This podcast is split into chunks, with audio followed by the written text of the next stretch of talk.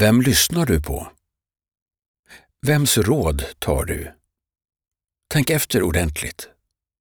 Det finns med stor sannolikhet personer i ditt liv som du väljer att samtala med när du ska ta olika beslut, såväl små som stora.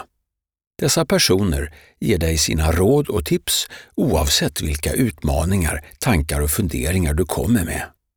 Vissa råd och tips får du utan att ens be om det. Fundera en stund. Vad är det för råd du brukar ta emot?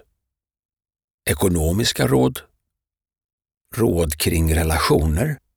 Råd om barnuppfostran? Av vem tar du dessa råd? Din svärmor? Någon av dina föräldrar? En granne? En släkting? Det är vanligt att människor springer runt och ger personer råd. Men i oroväckande många fall har personen som ger goda råd ingen som helst utbildning, erfarenhet eller några direkta kunskaper inom eller erfarenheter av ämnet de ger råd kring. Inte sällan är de själva riktigt dåliga i dessa ämnen. Är inte det väldigt märkligt? Hur många föräldrar har gett sina barn kloka råd som förändrat sina barns framtid till det sämre? Idag har alla digitala sociala kanaler där de kan spotta ut sina råd till allmänheten och det finns lika många råd i ämnen som det finns människor. Många har sin sanning, som baserats på deras egna erfarenheter som de vill dela med sig av till sin omvärld. Och många tror att deras sanning är applicerbar på alla, så därför är de generösa med sina råd utan att fundera på om råden är något att ha. Det finns ett uttryck som heter ”goda råd är dyra”, vilket kanske stämmer i vissa fall. Men något som stämmer i samtliga fall är att det kan bli riktigt dyrt att ha dåliga råd. Och dåliga råd får man ofta från olika håll, för det är gratis att ge råd, vilket gör att helt fel personer generöst ger av sina råd utan att mottagaren vet att de ibland är riktigt usla. Många av de här generösa rådgivarna ska trycka på folk sina råd även om de uppenbarligen inte har lyckats själva. I de fallen tror vi och utgår från att det har att göra med att de vill verka bättre än vad de egentligen är. Vi törs inte ens tänka på hur många människor som missar fantastiska möjligheter varje dag på grund av att de tar råd från personer som inte kan något om ämnet de ger råd kring. Vore det inte rimligt och ganska klokt att du uteslutande lyssnade på personer som lyckats eller uppenbarligen har kunskap inom området du vill ha råd om. Om du inte känner någon personligen så leta upp en eller flera personer som har den kunskap och erfarenhet som du själv är ute efter. Tala om vad det gäller och be om deras tid. Be om deras berättelse och deras kunskap.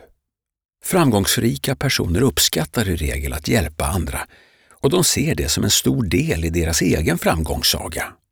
För att komma dit de är idag så har de med största sannolikhet hjälpt andra på vägen, så att fråga skadar inte. Byt perspektiv en stund. Om du fick en fråga från en okänd person som ville ha råd om något du är duktig på, skulle du då inte gladeligen ge personen dina råd? Det värsta som kan hända är ju faktiskt att du får ett nej och då får du hitta någon annan som kan hjälpa dig.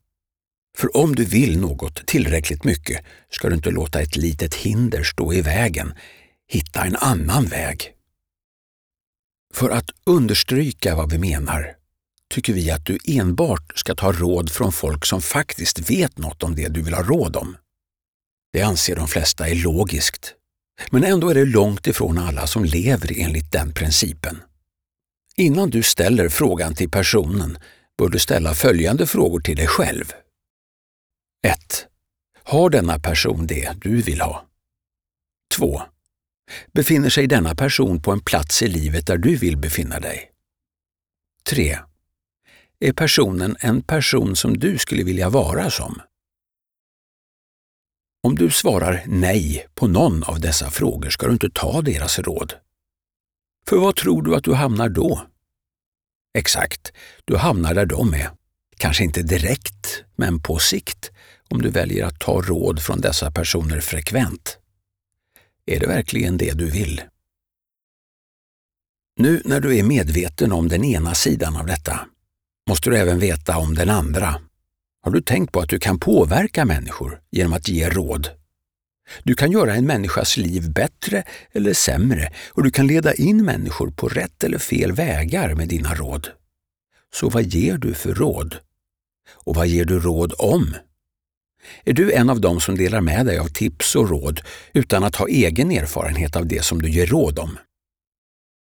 När du ger råd så finns det en risk, eller möjlighet, för att personen som får dina råd faktiskt lyder dem. Och då är det av stor vikt att dina råd verkligen är goda och att de leder i den riktning som personen själv, inte du, vill. Om någon frågar dig om råd inom ett område du inte vet något om, låt bli att svara.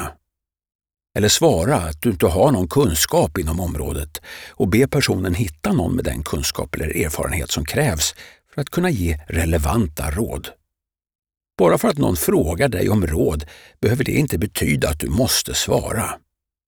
Ge råd om det du vet något om och överlåt åt andra att ge råd om de saker och ting som de vet något om. Svårare än så behöver det inte vara.